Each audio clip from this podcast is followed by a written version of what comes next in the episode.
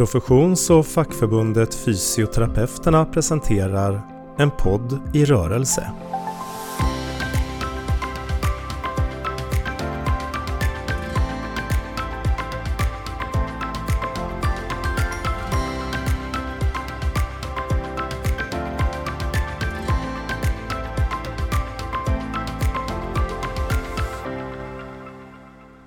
Idag ska vi prata om levnadsvanor och förebyggande in- hälsoinsatser. Eh, och jag har glädjen att ha Emma Henriksson här på besök. Välkommen hit Emma! Tack så mycket! Eh, när vi lärde känna varandra så var du socialutskottets ordförande. Ja. Eh, hur är det med partipolitiken idag? Idag gör jag helt andra saker. Jobbar en del med idéburen verksamhet, eh, sitter i lite styrelser och lite sådana uppdrag. Mm, det måste vara ett väldigt spännande uppdrag att vara ordförande i socialutskottet. Jag föreställer mig att man får överblick över stora delar av samhällssystemet när det gäller hälsa och sjukvård. Ja, jag hade ju förmånen att vara riksdagsledamot i 12 år och jobba i olika utskott, både finansutskottet och Eh, jag fick börja i finansutskottet för att lära mig hålla i pengarna och sen fick jag jobba i socialförsäkringsutskottet och socialutskottet där man spenderar mycket av våra gemensamma resurser. Så det, var, det var spännande. Man får, får en väldig överblick men också väldig respekt för eh, hur svårt det är att eh, faktiskt få till förändring på områden. Där, till och med när det ibland är så att alla partier, alla politiker är överens så kan det vara svårt att få till förändring. Mm, jag tänkte vi skulle ta oss in på just det. Därför att när det gäller eh, eh hälso och sjukvården så är det så att ungefär 95 procent av samhällets insatser när det gäller budget läggs på sjukvård. Mm. Och en försvinnande liten del på förebyggande insatser. Samtidigt så är forskningen tydlig i att vi kan förebygga levnadsvanesjukdomar. Mm. Och levnadsvanesjukdomarna de exploderar, de ökar drastiskt världen över. Varför, mm. varför är det så svårt? Jag tror att det har flera olika orsaker. Dels så handlar ju mycket av det förebyggande, det är ju sånt som eh, vi behöver ta ett personligt ansvar för. Det handlar om att förändra våra livsvanor. Eh, och det, ibland så motarbetas det av vår säga, mänskliga natur att kanske eh, säga, ta den enklare vägen om det går ibland. Och, eh, det tar emot att ändra vanor och bete sig på ett sätt. Även om man vet att det är rätt så tar det emot att ändra sig.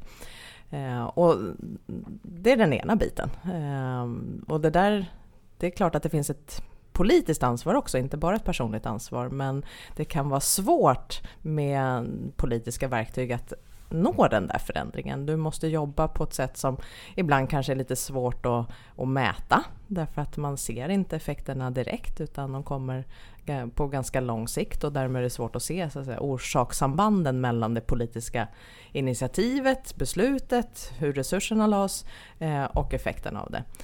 Eh, och det i sig gör ju också att det, det, blir ett område som är svårt att välja och prioritera politiskt därför att det, det finns ju en tendens till att man vill bli omvald. Och för att bli omvald så vill du att väljarna ska förstå dina förslag och tycka att de är intressanta och, och värda att lägga sin röst på. Och då vill du ha saker som är lite mer konkreta och skapa rubriker så att du når fram och når ut och, och får plats i, på tidningssidor eller i radio eller TV. Och, och då blir det de här stora, eh, mer så att säga, eh, häftiga satsningarna, konkreta satsningarna. Och då blir det ofta på sjukdomar, det som är eh, liksom mer snabba, korta effekter som ju inte förebyggande arbete har. Mm. Och det görs ju väldigt många goda och bra insatser förstås när det gäller sjukvård som är nödvändiga. Så är det också såklart, men, men det, det, eftersom en, en väldigt viktig huvuduppgift som politiker, det är ju att förvalta medborgarnas pengar. Det är mm. inte vi politiker som har pengar som vi eh, i vår nåd väljer att fördela till människor, utan vi har fått förtroende att förvalta människors resurser och då måste vi göra det som är, är mest effektivt. Och, och det är klart att förebygga, att se till att sjukdomar inte uppstår eller att man inte återinsjuknar när man har drabbats av någonting. Eller att man tar vara på en kvarstående förmåga efter att ha drabbats av en sjukdom eller ett olycksfall. Eh, det, det är resurseffektivt och därmed någonting vi verkligen borde lägga resurserna på. Mm. Ja, det där är ju väldigt angelägna områden eh, i samhället och det är angeläget för oss i fysioterapeuterna. Eh, jag ska bara fånga upp en del. WHO har gjort beräkningar i att om man satsar en krona idag på förebyggande insatser så kommer man år 2030 att få tillbaks 10 kronor. Mm. Och då tänker jag på att för länge sedan, ungefär 25 år sedan, så såg jag beräkningar på att i Sverige, att om man, tar, om man satsar en krona på rehabilitering så får du 10 kronor tillbaks. Och så har det gått 25 år. Mm. Och då blir jag väldigt frustrerad. Jag kan känna mig besviken och arg på varför har vi inte lyckats satsa mer på just det du nämnde. Till exempel att man återinsjuknar. Mm. Det, det, är obegripligt eh, därför att det här är ju tveksamt om det är bästa sättet att förvalta medborgarnas pengar. Mm. Nej, och det, och det har ju delvis med att göra att det så här, för de enskilda insatserna på kort sikt är svårt att, att påvisa att det var just det här. Eh, för ofta när det handlar om förebyggande arbete så handlar det om att du, du ska göra flera olika saker samtidigt. Mm. Eh, det behövs förutsättningar i den fysiska miljön. Det är politiken ansvarig för, kanske mm. framförallt politiker på lokal nivå. Eh, det behövs eh, beteendeförändringar i det egna livet. Det är den egna personen som är ansvarig för. Mm. Ehm, men det kan behövas förutsättningar i form av resurser till den enskilde för att klara det också. Har du väldigt dålig ekonomi till exempel så kan det vara svårare att göra kloka val.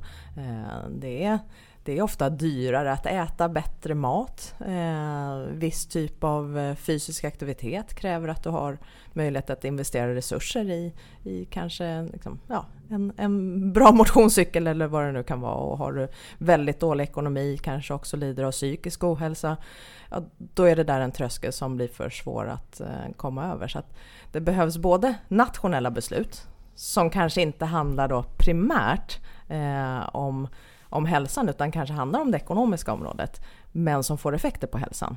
Eh, och så behövs det lokala beslut, eh, regionala såklart från, från de som är sjukvårdshuvudmän eh, och sen det egna personliga ansvaret. Och det, mm. där, det där ska samverka samtidigt och fungera på alla planen samtidigt för att få riktigt bra effekt. Så det bör, för mig börjar det bli uppenbart hur mycket som liknar varandra när det gäller hållbar hälsa och hållbart klimat mm. till exempel. Och man kan ju säga att det bottnar ner i Agenda 2030 där det är mycket, mycket av de här frågorna liksom om hållbarhet. Mm. Som du beskriver det, det handlar mycket om jämlikhet och ekonomiska och sociala förutsättningar.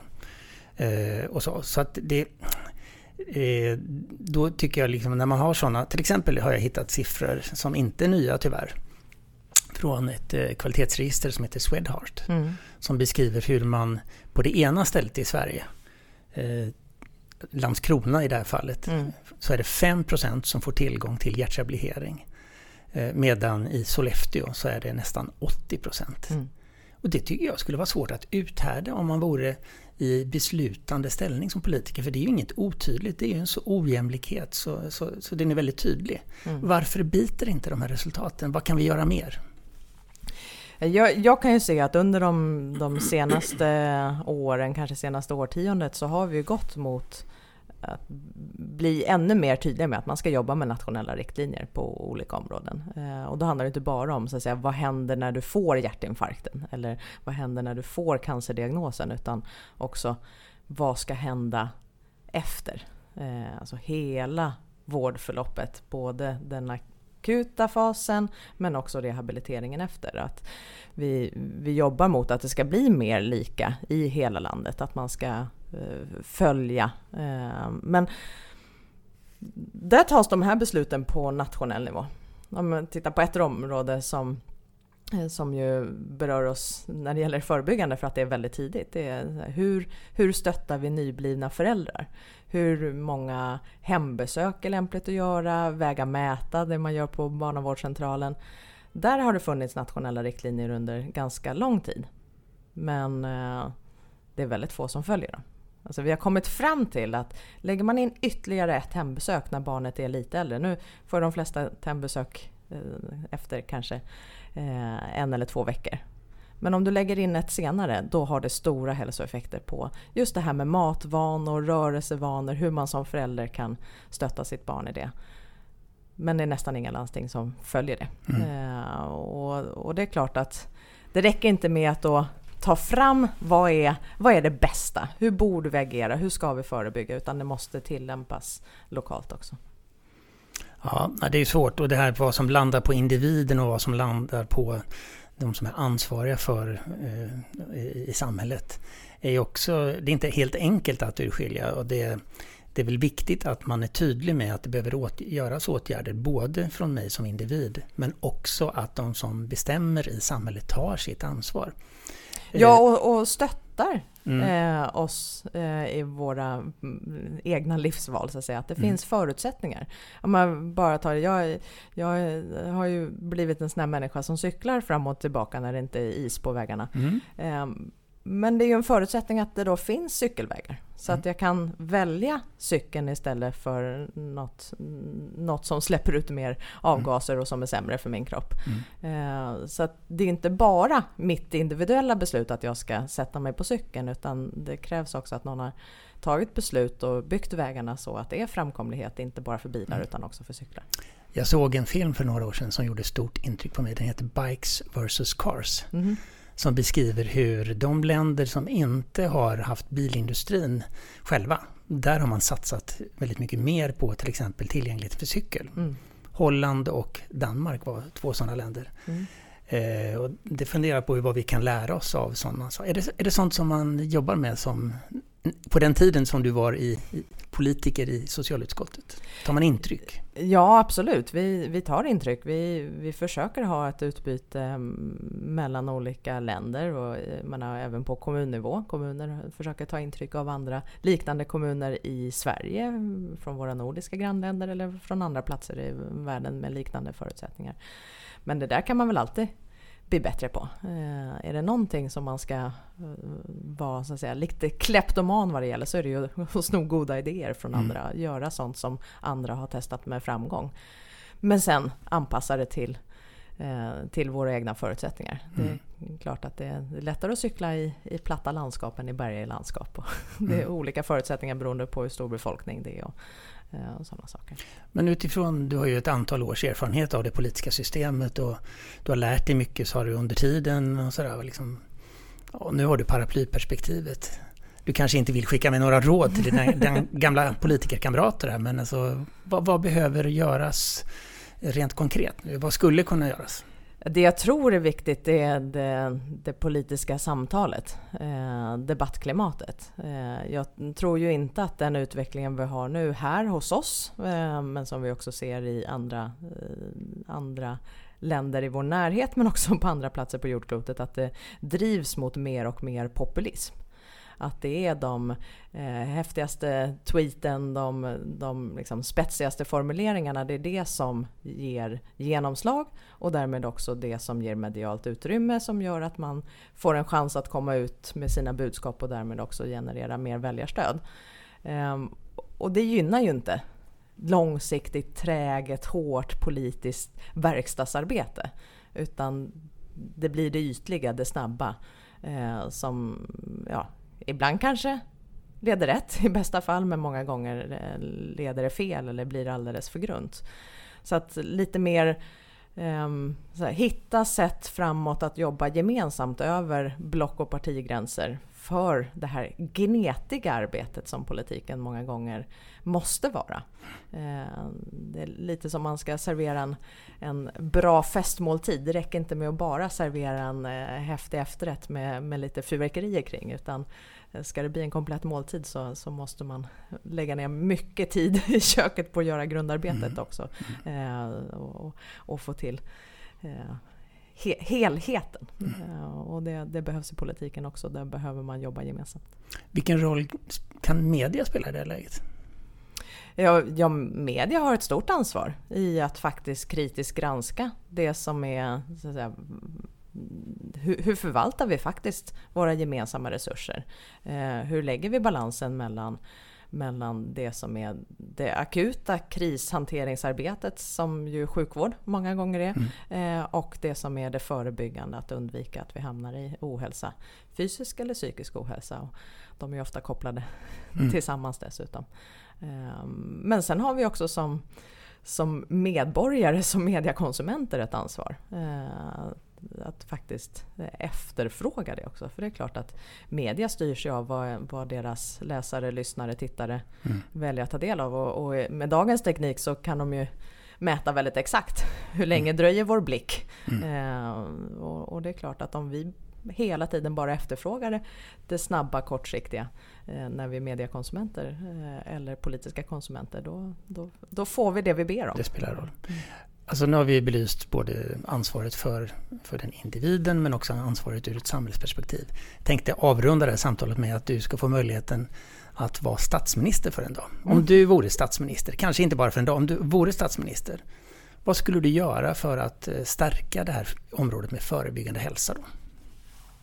Jag tror att det är väldigt viktigt just att se att vi, vi, är, vi är helheter som människor. Där, där alla delar hänger ihop. Eh, hur vi mår psykiskt. Eh, och det är ju ett område där vi ser väldigt mycket att eh, ohälsan eh, försämras. Inte minst hos unga. Eh, men vi ser också att eh, det, det är många, många grupper så försämras det. Eh, vi måste satsa mer på att jobba för det förebyggande eh, och, och, se vad är orsakssambanden. Eh, se till att vi har ordentligt på fötterna. Det finns mycket forskning redan idag men, men vi behöver ha ännu mer fakta på hur kan man faktiskt få till de där beteendeförändringarna. Vad kan vi göra politiskt för att människor ska få det stöd man behöver för att, för att göra, göra de livsförändringar som gör att vi, vi faktiskt får, får en ljusare framtid. Mm. Eh, så som, skulle vi, som statsminister skulle man ju behöva en liten Greta-effekt också på, liten Greta-effekt. på, på, det, på ja. det här området. Ja. Eh, här efterlyser vi till slut av med en Greta-effekt inom det förebyggande hälsoarbetet. Tack för att du kom hit Emma och tack för ett bra samtal. Tack så mycket. En podd i rörelse presenterades av Fysioterapeuterna.